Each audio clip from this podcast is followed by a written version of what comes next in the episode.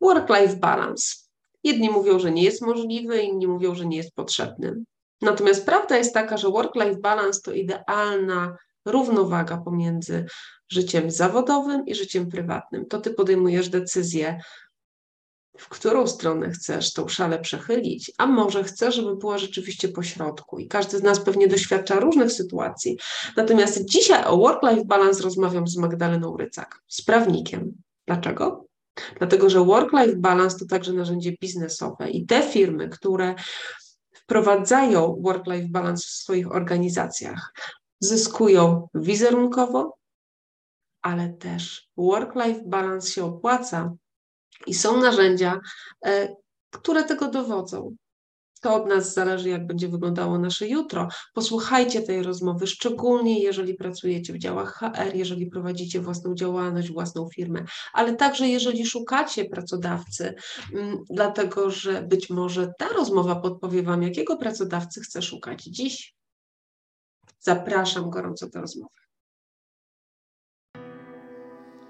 Rozmowy regeneracyjne to rozmowy, które pomagają zrozumieć siebie i innego człowieka, zrozumieć świat wokół nas. Rozmowy, które przybliżają rozwój osobisty, biznes i człowieka po prostu. Ja się nazywam Inga Safader-Powroźnik i zapraszam Cię do wysłuchania kolejnego odcinka podcastu Rozmowy Regeneracyjne. Witam Was na kolejnej rozmowie regeneracyjnej. Dzisiaj podejmujemy temat, który jest bardzo ciekawy z, na wielu płaszczyznach, na płaszczyźnie prywatnej, na płaszczyźnie biznesowej. Dzisiaj dotykamy go bardziej biznesowo, ale jak sami zobaczycie, wiąże się on bardzo z każdym z nas, z każdym, kto pracuje. Dzisiaj moim gościem jest Magdalena Rycak, radca prawny w kancelarii Rycak, Kancelaria Prawa Pracy i HR. E, Magda jest kierownikiem studiów podyplomowych Prawo Pracy i Ubezpieczeń Społecznych i Kadry i Płace. Mm, I jest dyrektorką Instytutu Prawa Zatrudnienia i Work-Life Balance w uczelni Łazarskiego. E, długo by wymieniać. E, jest wieloletnią ekspertką w zespole prawa pracy przy Radzie Dialogu Społecznego. Magdo, witam Cię bardzo serdecznie. Cześć Inga, dzień dobry Państwu. No i co, o czym będziemy rozmawiać? Będziemy dzisiaj rozmawiać o temacie, którym jest work-life balance. I przyznam szczerze, że wcześniej nie sądziłabym, że do takiego tematu e, zaproszę właśnie prawnika. Ale gdy wgłębiłam się w temat, gdy porozmawiałam z Magdą, okazało się, że ten aspekt jest bardzo ważny z punktu widzenia biznesowego dla działów HR, dla właścicieli firm i po prostu z punktu widzenia dbania o pracownika. Magda, czym jest work-life balance z Twojego punktu widzenia? Samo, sama idea work-life balance e, mm, powstała e, w Unii Europejskiej e, i mm, jest to pewien taki stan równowagi pomiędzy życiem rodzinnym, życiem osobistym e, pracownika, a pracą. E, trochę już odchodzą do lamusa czasy, kiedy przyznawanie się do dysponowania wolnym czasem bywało deprecjonujące, kiedy wszyscy z pogoni za karierą, władzą, pieniędzmi, sławą i czym tam jeszcze sobie, co tam sobie jeszcze nie wymyślimy. E, nie mieliśmy czasu na taką samorealizację e, osobistą, e, nie mieliśmy czasu dla naszych dzieci, partnerów, partnerek. I zauważono mm, już wiele lat temu, że tego typu postawa niesie ze sobą szereg negatywnych konsekwencji. Konsekwencji zdrowotnych, ponieważ doprowadza ta postawa często do wypalenia zawodowego, do braku po prostu poczucia szczęścia w życiu. E, doprowadza do tego, że, mm, że e, też dzieci, e, najbliżsi członkowie rodziny czują się po prostu zaniedbywani. No i też w skali globalnej prowadzi do szeregu negatywnych konsekwencji, na przykład do spadku poziomu dzietności, o czym też pewnie jeszcze dzisiaj, dzisiaj powiemy.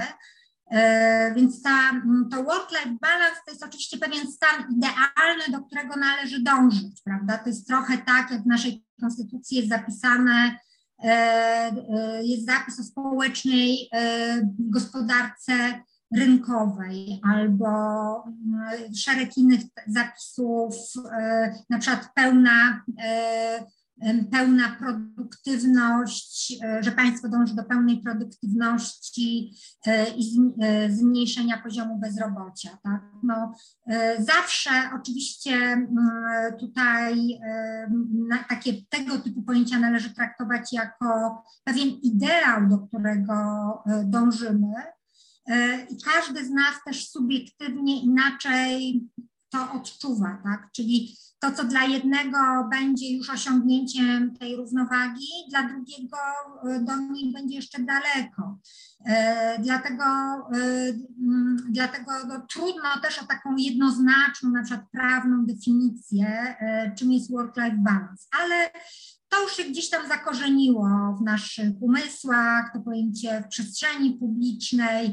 E, też mówimy o dyrektywie, prawda, work-life balance, którą no, Polska miała wdrożyć e, w sierpniu, jeszcze tego nie zrobiliśmy.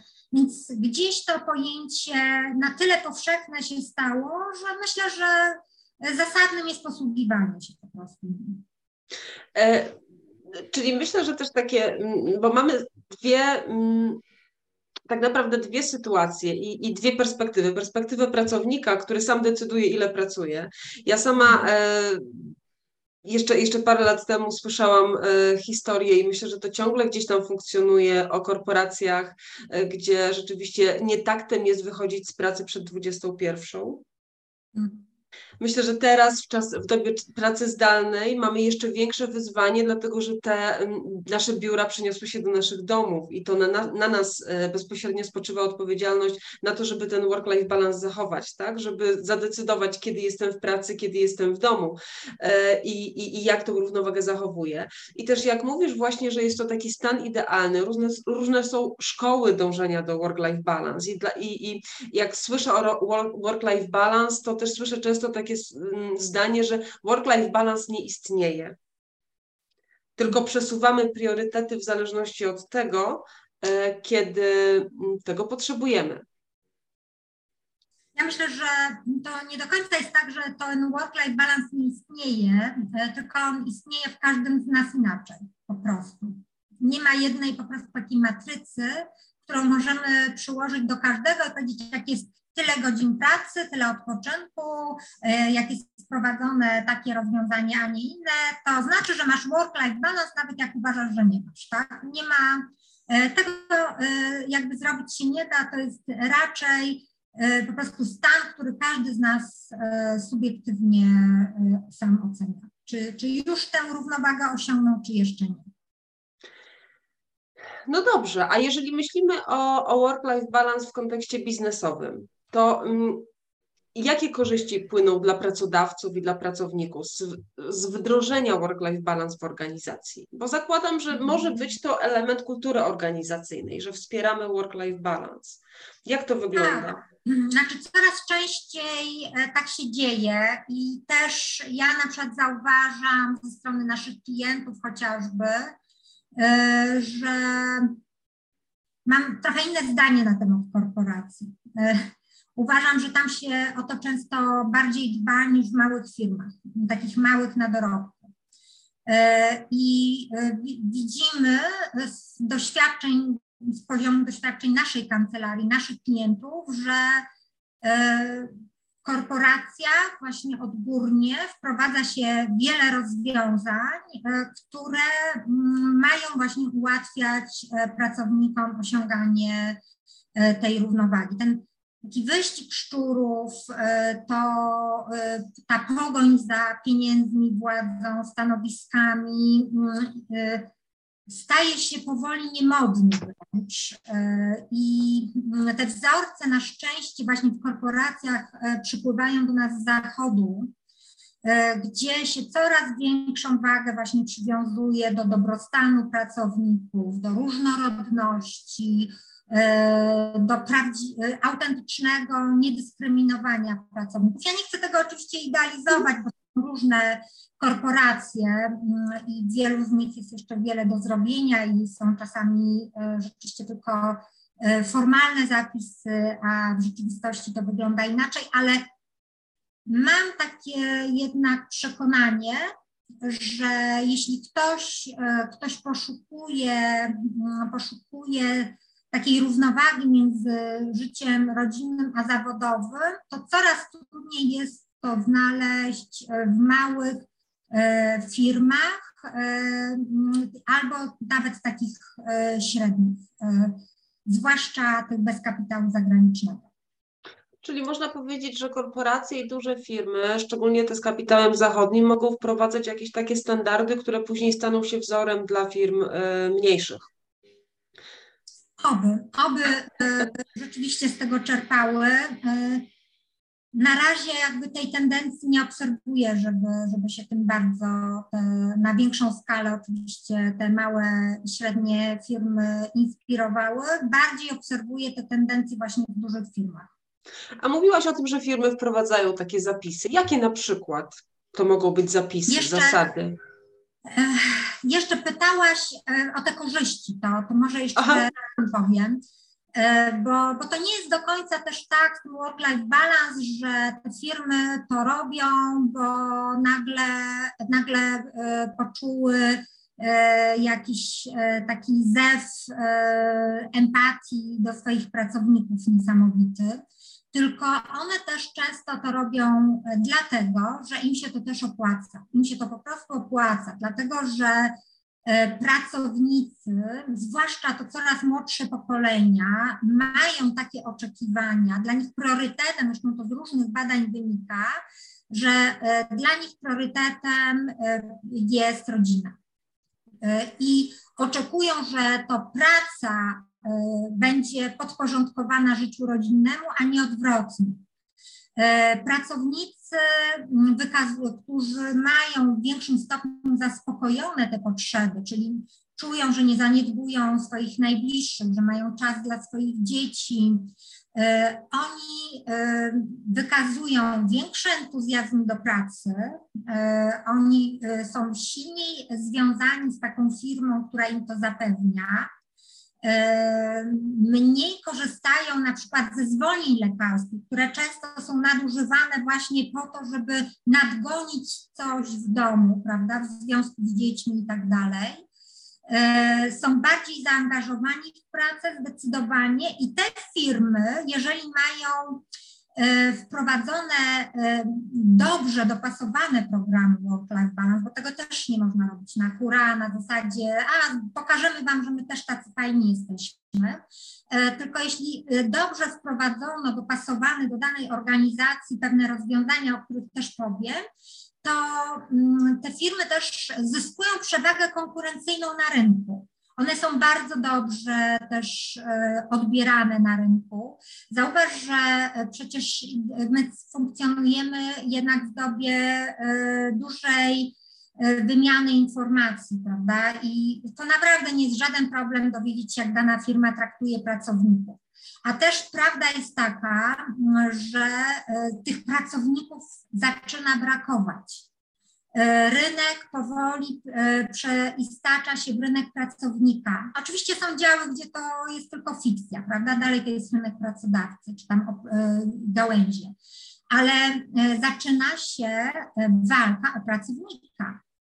Te młodsze pokolenia pracowników nie są już tak zainteresowane jak pokolenia ich rodziców kupnem kolejnych dóbr materialnych, tym konsumpcjonizmem, prawda? Zresztą tutaj te trendy eko e, bardzo silnie też dają o sobie znać.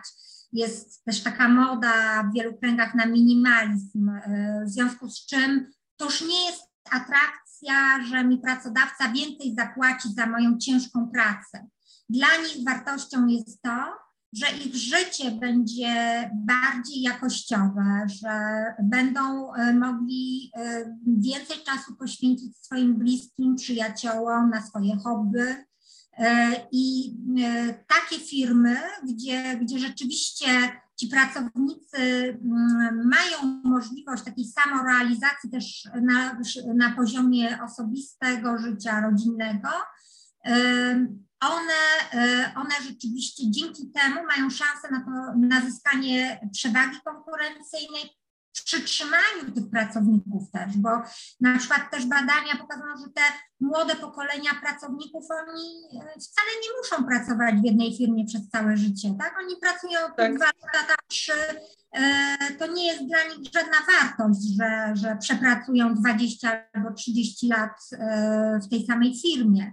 Nie boją się też tak utraty pracy, jak te starsze pokolenia.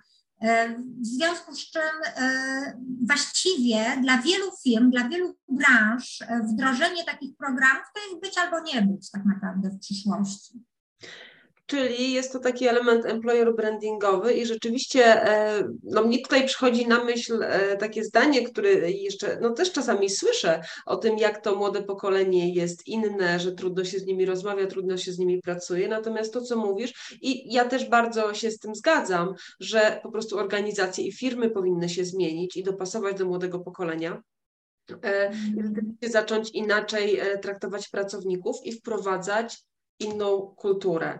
No właśnie, czyli wprowadzając work-life balance, co na przykład można zrobić? Jakie są dobre praktyki wprowadzane przez biznes? Dobre praktyki to już można e, zacząć nawet od e, tematyki chociażby pracy hybrydowej, prawda? Dzisiaj, dzisiaj na ten temat miałam e, szkolenie. Praca e, zdalna, hybrydowa, ona do nas na większą skalę u nas się zagościła w czasie pandemii, prawda? No byliśmy niejako trochę zmuszeni w takim przyspieszonym tempie, musieliśmy sobie tę pracę zdalną przyswoić. E, ta praca zdalna pokazała, że wcale ten pracodawca nie musi z tym kijem przysłowiowym stać nad pracownikiem, e, sprawdzać, o której dokładnie pracuje, co on robi Okazało się, że pracodawcy, którzy na większą skalę zastosowali pracę zdalną, e, w, bar, w ponad 80% dziś, dziś to czytam, są zadowoleni w ogóle z wyników pracy swoich pracowników. E, okazało się, że można im zaufać, że, że sami też e, potrafią bez tego ciągłego, bezpośredniego nadzoru świetnie, świetnie pracować. E, praca, sama praca zdalna oczywiście budzi dużo kontrowersji, bo ona też prowadzi do takiej trochę alienacji społecznej, e, poczucia wyobcowania, więc sama, samo to nie dla każdego pracownika się nadaje, ale już na przykład hybrydowa jak najbardziej, tak? Czyli mm. oczywiście pojęcie pracy hybrydowej to jest takie kolokwialne, bo praca zdalna, e, jakby zwłaszcza w tym nowym projekcie przepisów obejmuje też pracę hybrydową tym pojęciem pracy zdalnej, ale tak bym chciała to odróżniać, więc będę mówić o hybrydzie. E, w wielu firmach właśnie, właśnie w korporacjach wprowadza się na stałe pracę hybrydową, tak? I ta praca e, hybrydowa właśnie jest takim E, świetnym, e, moim zdaniem, sposobem na e, zrównoważenie tych niedogodności takiej czystej pracy zdalnej cały czas, bo pracownik może trochę popracować w domu. Czasami to są dwa, trzy dni w tygodniu, czasami to jest na zasadzie jeden tydzień w firmie, jeden w domu. Pracuje trochę w domu, pracuje trochę w firmie, czyli ma te kontakty społeczne w firmie, a jednocześnie możesz sobie czasami nie dojechać do tej firmy, E, zostać w domu. E, nawet to jest też super rozwiązanie, bo okazuje się, że na przykład tak jak wcześniej, jak, jak dziecko zachorowało, to ktoś od razu brał zwolnienie lekarskie, prawda? Pracownik na dziecko, no bo trzeba dzieckiem się zająć. A teraz często się okazuje, że nie trzeba brać tego zwolnienia, że ten pracownik w domu, przebywając z własnym dzieckiem, też może pracować, nie traci w tym czasie tamtego procenta swojego wynagrodzenia, pracodawca dalej ma pracownika, prawda, może nie tak e, w pełni jak wcześniej, bo, bo wiadomo, że ma chore dziecko, ale e, też się może tutaj e, w pracy trochę zaangażować. Więc na przykład właśnie praca hybrydowa, często też praca zdalna jest takim rozwiązaniem. Na przykład zmiana, zmiana systemu czasu pracy, na przykład na zadaniowy, tak? Czyli pracownik nie musi pracować od do, tylko ma pewne zadania do wykonania E, z których ja go rozliczam, tak, ale nie wnikam dokładnie, w jakich on godzinach tę pracę wykonywał. Oczywiście on tam musi przestrzegać odpoczynku dobowego, tygodniowego i tak dalej. E, ruchomy czas pracy, tak, umawiamy się na przykład z pracownikiem, że będzie on przychodził do pracy w określonym przedziale czasowym. E, czyli na przykład umawiamy się, że będziesz od 7 do 10 mógł przyjść, ale pracujesz na przykład te 8 godzin, tak? Czyli ja już mam taki oddech, jako na przykład mama e, dziecka, które chodzi do przedszkola, że ja sobie mogę to dziecko na spokojnie odwieźć, nie stresować się, że są korki, że nie zdążę punktualnie dotrzeć na to ósmą, tak, do pracy, tylko mogę sobie przyjechać równie dobrze na dziewiątą e, i ja to ogarnę, tak, więc dla mnie jako pracującej mamy na przykład jest to super rozwiązanie. Indywidualny rozkład czasu pracy też można umówić się z pracownikiem, E, że będzie on w innych godzinach każdego dnia pracował, tak? Albo no właśnie tak, żeby jemu, e, jemu, to, e, jemu to pasowało.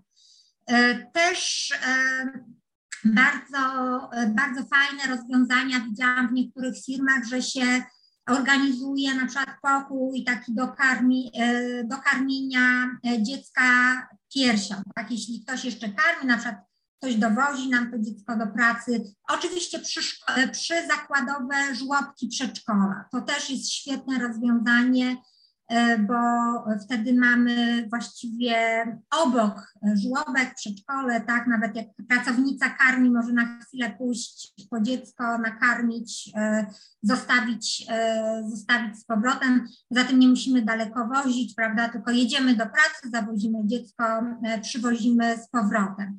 Wiele firm na przykład też nawet wprowadza takie rozwiązania, że jeśli pracownik nie ma z kim zostawić dziecka, E, coś się tam wydarzyło, na przykład opiekunka zachorowała, może z dzieckiem przyjść do pracy e, i, i gdzieś tam jednak e, tę pracę nadal wykonywać. Są oczywiście też takie firmy, które pozwalają nawet przychodzić do pracy ze zwierzętami, tak, są, są czasami wybrane dni tygodnia, że można wziąć psa. Też słyszałam, że mm, ja mam akurat trzy psy, ale moje jakoś tego E, nigdy nie miały, mm, ale są psy, które, zwłaszcza ze schronisk, które mają problem, e, jak właściciel wychodzi z domu, prawda? One, mm, one e, rzeczywiście bardzo silny stres psychiczny przeżywają. I widziałam już w wielu zakładach pracy, że się pozwala po prostu na przychodzenie z psem do pracy. Tak? I mój pies wtedy leży koło mnie, koło biurka, jestem spokojna, mogę pracować, sąsiedzi nie wydzwaniają na policję, tak? bo, bo pies e, wyje, tylko, tylko to zwierzę siedzi ze mną. No tych pomysłów jest sporo. E, też na przykład ograniczanie pracy w godzinach nadliczbowych. E, są na to różne sposoby, tak żeby, żeby pracownicy rzeczywiście po pracy nie myśleli o pracy. Też na przykład ograniczanie wysyłania maili po godzinach pracy. Takie odejście od takiej kultury organizacyjnej, że ja muszę być cały czas na tym stand-by, tak? Nawet znam firmy, gdzie wprost e, się e, wręcz przesłuchuje menadżerów, dlaczego po godzinach pracy wydzwaniał do pracowników i e, wysyłał maile.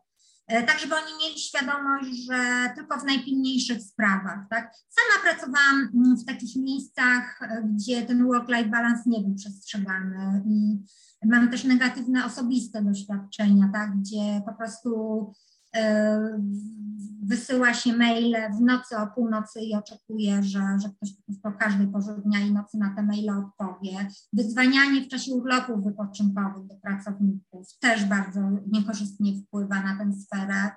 Więc to są czasami takie rzeczy, które bym powiedziała niewiele kosztują organizacje, naprawdę, w porównaniu do innych kosztów, które się ponosi, a przynoszą naprawdę takie niesamowite mm, efekty w sferze takiego zwyczajnego well-beingu pracowników i ich nastawienia do pracy, zapobiegają wypaleniu zawodowemu. Dużo by można opowiadać o tych rozwiązaniach. E, wiesz, to co mówisz, to mnie się układa w taką, w taką definicję work balansu z punktu widzenia takiego biznesowego, firmowego, jako stworzenie takiego środowiska pracy, które jest przyjazne dla pracownika, któremu pozwala pracować w spokoju, efektywnie, e, produktywnie, e, ze świadomością, że po godzinach pracy ma też czas na swoje życie, tak? Niepiętnowanie też macierzyństwa, tak? Oczywiście ja wiem, że czasami te uprawnienia są nadużywane i bardzo współczuję pracodawcom, którzy, którzy borykają się czasami z takimi roszczeniowymi e, postawami, e, ale no, e, też chodzi o to, żeby, żeby pracownica, która naprawdę się realizuje w pracy, tak, no też ma prawo, ma prawo założyć rodzinę, żeby ona też nie czuła, bo to niestety dotyka kobiet najczęściej, żeby ona nie czuła takiego stresu i takiego oddechu na plecach, że okej, okay, jak, jeśli skorzystasz z tych wszystkich urlopów, które ci przysługują, to jak wrócisz, to już czeka cię tylko wypowiedzenie umowy, tak, żeby ona nie widziała, żeby nie było takich tych negatywnych przykładów, że e, niestety, które też ciągle się jeszcze zdarzają, że czeka się na tą pracownicę wracającą z urlopów rodzicielskich, e, macierzyńskich już z wypowiedzeniem gotowym, tak, umowy, e, pod byle pretekstem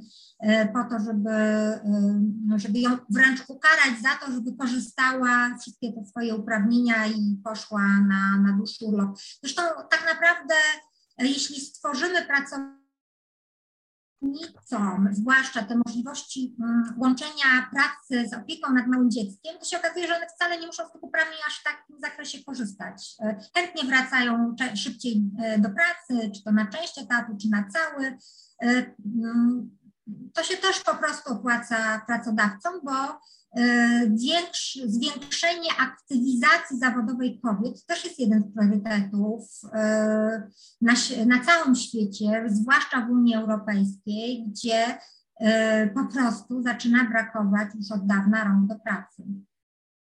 Wiesz, ale to o czym mówisz, to też brzmi jak work-life balance, który jest takim narzędziem polityki społecznej tak naprawdę, bo, bo, bo to zależy wiele od nastawienia, od, od otoczenia biznesowego także, od tego, ile mamy rzeczywiście w otoczeniu żłobków, przedszkoli, e, jak umożliwia się powrót do pracy i jak rzeczywiście mm, e, społecznie pewne zachowania są akceptowalne bądź nieakceptowalne. Ja na przykład obserwuję, że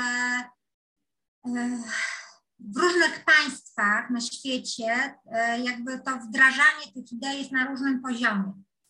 E, my, mam wrażenie, u nas jesteśmy dopiero na początku tej drogi, że mm, pewnie to wynika z tego, że jesteśmy e, jednak krajem w okresie transformacji ciągle jakiejś tam jednak ustrojowej, że ten komunizm e, spowodował, że na przykład no przynajmniej to moje pokolenie to było to pokolenie, które zaczynało od zera, e, żeby do czegoś dojść tak, w życiu. Nasze dzieci już pewnie będą miały trochę lepiej, e, więc jest ta cała taka e, przepaść, e, przepaść, e, które te lata komunizmu u nas niestety tą dewastację zrobiły. Ja ci wejdę w słowo, ale no. tak sobie myślę, że w czasach komunizmu to ludzie mieli idealny work-life balance. Dlatego, że no, wychodzili wiesz, z pracy, zamykali drzwi i nikogo nie znalazł, tak? Nie było telefonów w domach, nie było maili. Z jednej strony tak, ale oczywiście ten ustrój niósł ze sobą całą masę innych Oczywiście, że tak. E, I, I to nawet, że my nie mogliśmy tak naprawdę wyjechać, prawda, gdziekolwiek za granicę tak normalnie jak teraz. E, natomiast rzeczywiście pewne rzeczy z tamtego okresu byłyby warte naśladowania, jak na przykład właśnie ten brak możliwości kontaktu czasami z pracownikiem e, takim e, bez przerwy, tak? Chociaż też czasy się zmieniły, też trzeba o tym pamiętać, że, że trudno jakby porównywać pewne rozwiązania, które zupełnie na innym gruncie funkcjonowały. E, także, tak, że tutaj jakby wracając jeszcze, jeszcze do tego, e, tego naszego pokolenia, my rzeczywiście e, to te nasze życie zawodowe przeżyliśmy w trochę i przeżywamy w takim pędzie, prawda, gdzie e, też ja pamiętam, jak wchodziłam na rynek pracy po studiach, to było ponad 20% bezrobocie. E, ja pamiętam, że po Wydziale Prawa na UW niektóre moje koleżanki e, szły do pracy jako ekspedientki w sklepach z odzieżą, bo nie było pracy po prostu dla, do, dla prawników też. Więc to, e, to też gdzieś tam zostaje w głowie, prawda? Ten taki trochę strach przed utratą pracy, przed jej znalezieniem. Jak obserwuję moje dzieci, to mam wrażenie, że u nich tego strachu w ogóle nie ma, e, że, że one w ogóle nie, e, no oczywiście najmłodsza moja córka to jeszcze się tym w ogóle nie interesuje, ale synowie to oni ustawiają swoje życie mm, przyszłe zawodowe tak, żeby e, czerpać po prostu satysfakcję z jakości tego życia. Ja to widzę.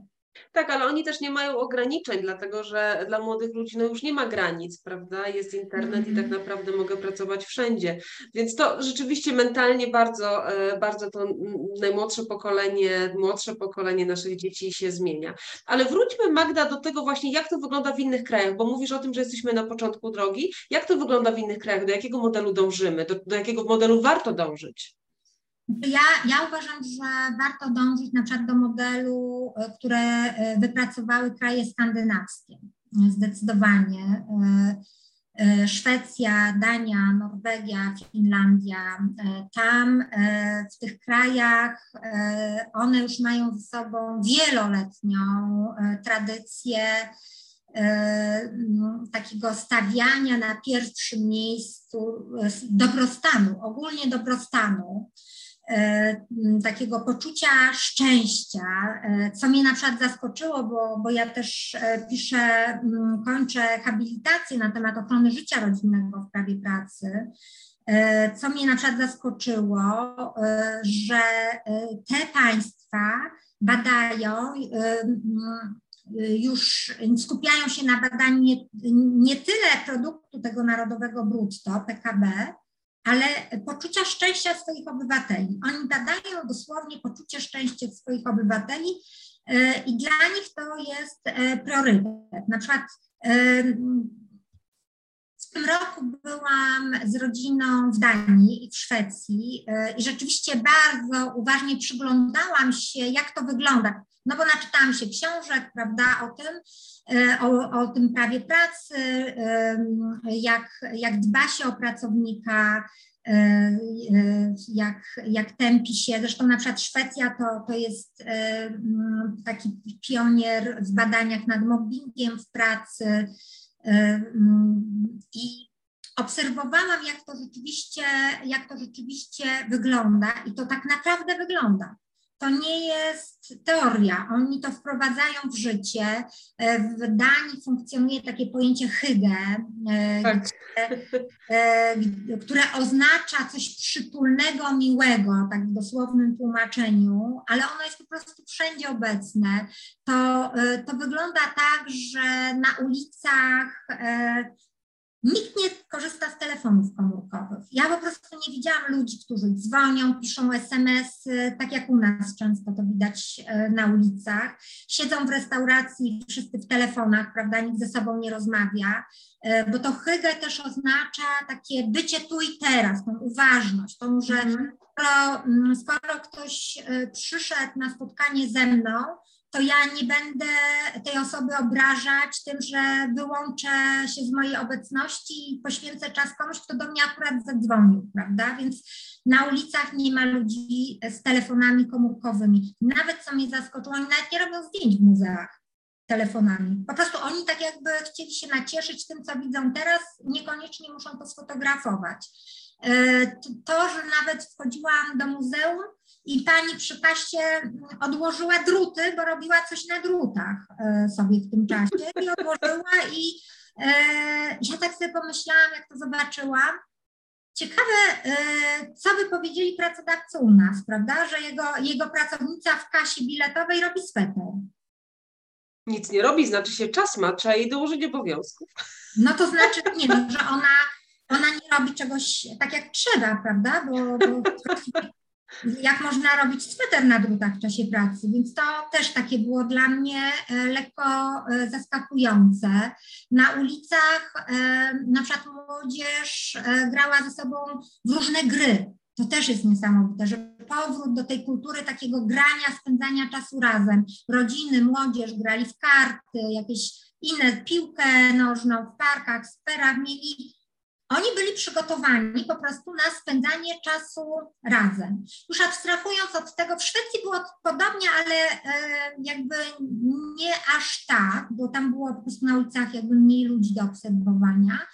E, natomiast e, to e, ta obserwacja, ta obserwacja naprawdę mi uświadomiła, że, że oni to wprowadzają w życie. Te rowery wszędzie, tak? Czyli przemieszczanie się, bo to jest cały system naczyń powiązany. To nie jest to, że to jest jakiś jeden odcinek rzeczywistości, który, tylko wszystko razem, na rowerach, ścieżki rowerowe, e, no, w sposób ubierania się, taki odformalizowany mocno. Ja wiem, że byłam tam w czasie wakacji, ale też wiem, że na co dzień to podobnie wygląda. Kobiety nieumalowane, nieufarbowane włosy często, naturalne, E, panowie e, czasami mogliby się zdziwić, że tak wyglądają naprawdę kobiety, tak? Bez sztucznych rzęsy, bez sztucznych brwi e, i tego wszystkiego, co, co nam ta kultura nasza każe często zastosować, bez obcasów, w wygodnym obuwiu, w luźnych sukienkach, spódnicach, dresach. To nie wszystkim się może podobać, tak? Zwłaszcza czasami słyszałam e, od panów, e, że są zaniedbane przez te kobiety, a dla mnie one nie były zaniedbane, one były bardzo zadbane o siebie przede wszystkim wewnętrznie, e, bo, bo te, to, te nasze starania takie o wygląd zewnętrzny to jest często dbanie o nasz wizerunek, prawda, zewnętrzny, ale nie, nie zawsze o nasze wewnętrzne samopoczucie dobre. Nie wiem, to już może trochę oddaliłam się od naszego tematu, ale ale rzeczywiście tam wszystko, miałam wrażenie, tak grało ze sobą. E, a jeszcze wiem, że prawo pracy tam niesamowicie sprzyja pracownikom, że e, też na wypalenie zawodowe jest bardzo poważnie traktowane, tak, e, że wprowadza się w zakładach pracy no, bardzo dużo takich rozwiązań, które, które mają sprzyjać po prostu e, tym, e, temu godzeniu pracy z życiem rodzinnym, żłobki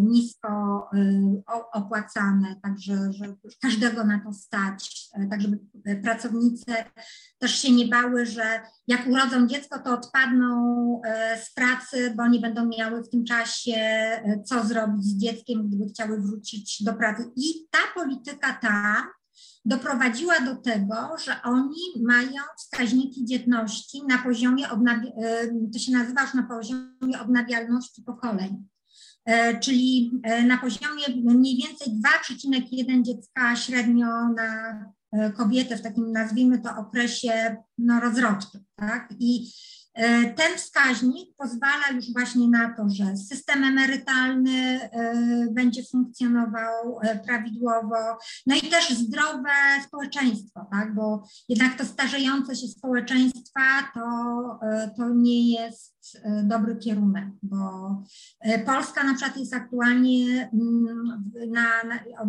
no już od wielu lat, od, od lat 90 E, w takiej zapaści demograficznej wręcz. My, my, ma, my mamy te wskaźniki dzietności na poziomie 1,3, 1,4 e, dziecka na, na kobietę, co no, jest e, wręcz takim wskaźnikiem zatrważającym, bo, bo z tym wskaźnikiem nas, nas nic dobrego nie czeka, zwłaszcza jeśli chodzi o systemy emerytalne.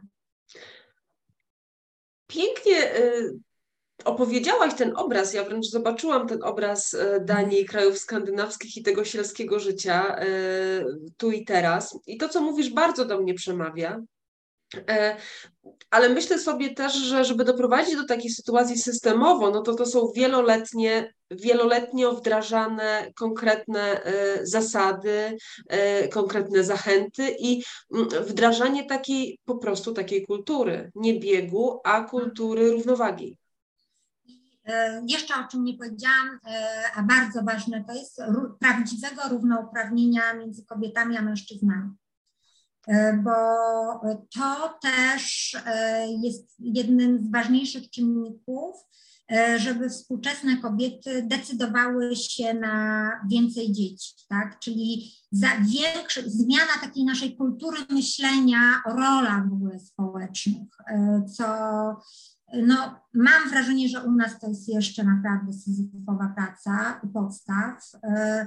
Mm, gdzie, e, gdzie ojciec e, wykonuje na równi e, z kobietą obowiązki domowe. Nie chodzi o to, że on ma wykonywać te prace tak samo, tak? To oczywiście mogą się dzielić tymi obowiązkami, ale żeby nie było tak, że kobieta pracuje na pełny etat z pracy i potem jeszcze na pełny etat w domu, bo niestety ze wszystkich badań wynika, że kobiety wciąż poświęcają wielokrotnie więcej, już teraz nie pamiętam ile tych godzin tam mniej więcej mhm. wychodzi, ale wielokrotnie więcej godzin e, pracy e, na, w domu, nad opieką nad dziećmi e, niż, niż mężczyźni. E, także w Szwecji e, też na przykład bardzo fajnie się sprawdziło rozwiązanie, że część urlopów związanych z rodzicielstwem jest obowiązkowa i to taka spora część dla ojców. E, I u nas tego nie skorzystano, bo też wdrożenie dyrektywy tej work-life balance u nas będzie raczej polegało na tym, że tak, tak przynajmniej w projekcie że, będą, że będzie 9 tygodni urlopu E, które nie przejdzie na matkę dziecka, jeśli ojciec tego nie wykorzysta. Czyli takie na zasadzie, bo to jest płatne oczywiście, mhm. na zasadzie, e, no jeśli ojciec nie skorzysta, to, e, to przepada. W Szwecji pracodawcy też przestali patrzeć na młode kobiety i młodych mężczyzn na zasadzie, tak jak często w Polsce to się odbywa, ha, młoda kobieta to zaraz zajdzie w ciążę i zniknie, tak? E, tylko już widzą, nie no, jak młody mężczyzna, on też może zaraz mieć dzieci. Też może zniknąć. E, też na przykład dążenie do zmniejszenia dysproporcji w zakresie wynagrodzeń. E, bo te dysproporcje ciągle są, prawda? Mówi się o tym gap pay i ono wynosi w poszczególnych państwach Unii Europejskiej mniej więcej od 15 do 30% na tych samych stanowiskach.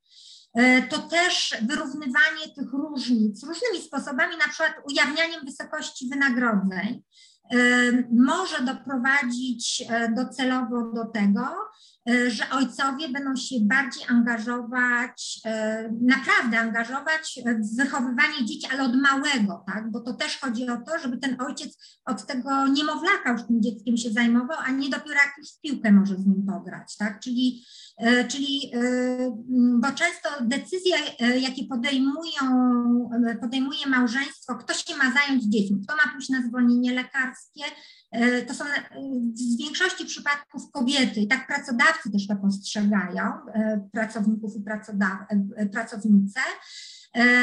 Te dylematy mm, już mogłyby na korzyść kobiet się rozwiązać, gdyby zarabiały naprawdę równo na podobnych stanowiskach co mężczyźni. Tak? Bo już wtedy odpada argument, no ale ja więcej zarabiam, to mi się to nie opłaca. Mhm. Wiesz, no, jest w tym, e, w tym, o czym mówisz i w ogóle w całym pojęciu work-life balance tak wiele wątków, e, że tutaj e, Myślę, że jeszcze kilka takich rozmów e, długich można by zrobić na mm, rzeczywiście e, pogłębiających te poszczególne wątki.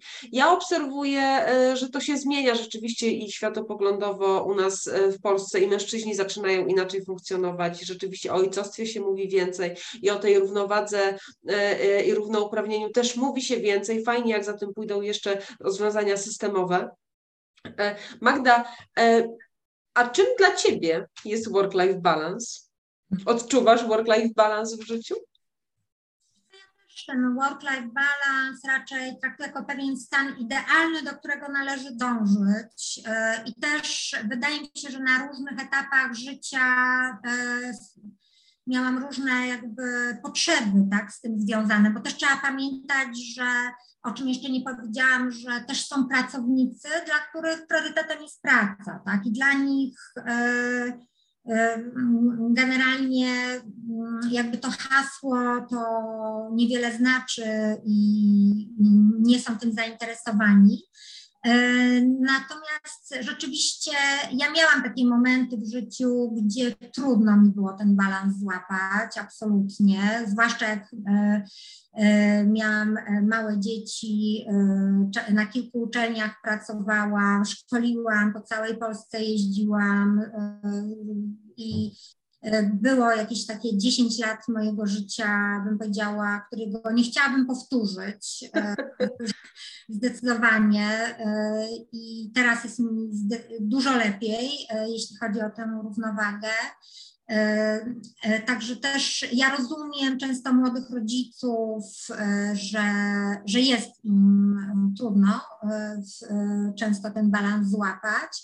I tym bardziej rozumiem e, jakby ich potrzebę, że im jest to, że, że, że oni tego po prostu, tych rozwiązań instytucjonalnych potrzebują, tak? Bo e, mam takie wrażenie, że e, najbardziej eksploatowanymi pracownikami na rynku jednak są ci początkujący pracownicy, oni muszą sobie gdzieś tam tą swoją ścieżkę e, czasami e, wręcz wywalczyć zawodową, a jednocześnie oni są najbardziej obciążeni właśnie kredytami, wychowywaniem małych dzieci, głównie kobiety.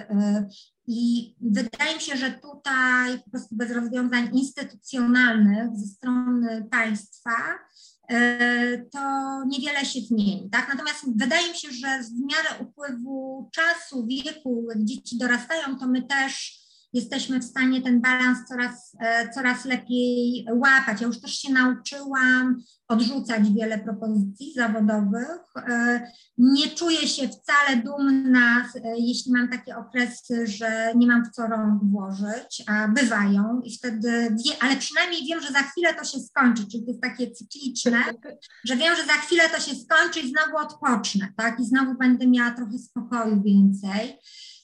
Także mm, no, nauczyłam się odmawiać, odrzucać pewne propozycje zawodowe, które nie wnoszą za wiele mi ani do mojego życia rodzinnego, ani zawodowego, mojego dobrostanu. E, mogę Ci zdradzić i Państwu tak, tak jak ja sobie e, mm, podzieliłam moje propozycje, które do mnie przychodzą na kilka części. Jeżeli do niczego one nie pasują, to je odrzucam, tak? Wiadomo, że e, mój czas ma, tak jak i Państwa, 24 godziny na dobę, 7 dni w tygodniu, nie da się tego czasu zwiększyć. E, więc w ramach tej doby, jeżeli coś służy mojej rodzinie, moim dzieciom, e, to to, to robię, tak? Jeżeli ktoś inny nie może tego zrobić, to ja to robię, tak? Jeżeli to ma pomóc w jakiś sposób moim dzieciom, przede wszystkim rodzinie. Druga rzecz, na którą poświęcam jakby czas, to, są, to jest oczywiście praca, tak, ale e, praca e, płatna, e, czyli odrzucam propozycje, które, a mam ich czasami naprawdę sporo, że ktoś mnie coś prosi za darmo, tak, żebym zrobiła. Już się nauczyłam odmawiać, nie, zwłaszcza czasami nawet obcy ludzie potrafią o to poprosić, no po prostu taki czas poświęcony temu zabiera e, czas mój i mojej rodziny. Robię czasami rzeczy bezpłatnie, ale jeśli tego chcę, jeśli to ma służyć osobom, które naprawdę są w ciężkim mm, stanie, położeniu, tak jak pomagam na przykład dwóm rodzinom ukraińskim, e, które uciekły z Lisiczańska, to mi też sprawia przyjemność, satysfakcję i prowadzę szkolenia na przykład dla prawników ukraińskich. Robię to bezpłatnie, y, bo też trzeba trochę z siebie dać czasami, ale to musi być e, takie z głową, tak? To nie może być na zasadzie, że ktoś mnie wykorzystuje, bo oczywiście... Ale jest to też dla ciebie ważne. Tak, e, poświęcam czas sobie, tak, na swoje przyjemności e, i e, nie wstydzę się walczyć o to, o ten czas, bo jeżeli ja jestem jakby zadbana o siebie, to i wszystko inne lepiej gra.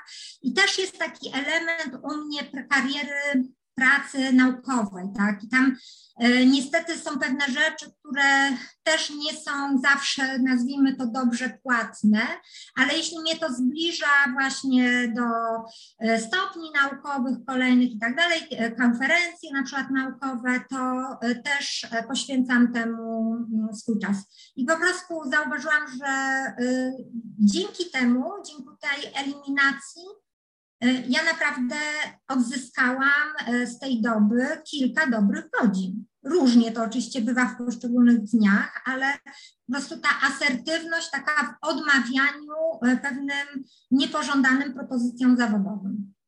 Czyli ustawianie priorytetów i trzymanie się tego. bardzo dobre zasady. Magda, bardzo Ci dziękuję za tą rozmowę. Work-life balance to rzeczywiście jest coś, co może być traktowany jako narzędzie do stworzenia lepszych stanowisk pracy, do lepszego życia i traktujmy to, tak jak mówisz, jako stan idealny, do którego dążymy my jako pracownicy, jako ludzie, którzy sami decydują, jakie zobowiązania y, y, zawodowe podejmują, e, i jako pracodawcy do tego, żeby stwarzać lepsze, bardziej doceniane miejsca pracy i żeby wygrywać na rynku tym, że ludzie chcą u nas pracować i pracują długo. I nawet dodałabym, że jeśli jest to tylko moda, to bardzo fajna i niech trwa jak najdłużej. Dokładnie. Niech, niech work-life balance stanie się e, dla nas czymś naturalnym, a nie czymś ciągle nowym, bo już nowy nie jest. Dokładnie. Bardzo Ci dziękuję za rozmowę. Dziękuję Inga bardzo. Do zobaczenia.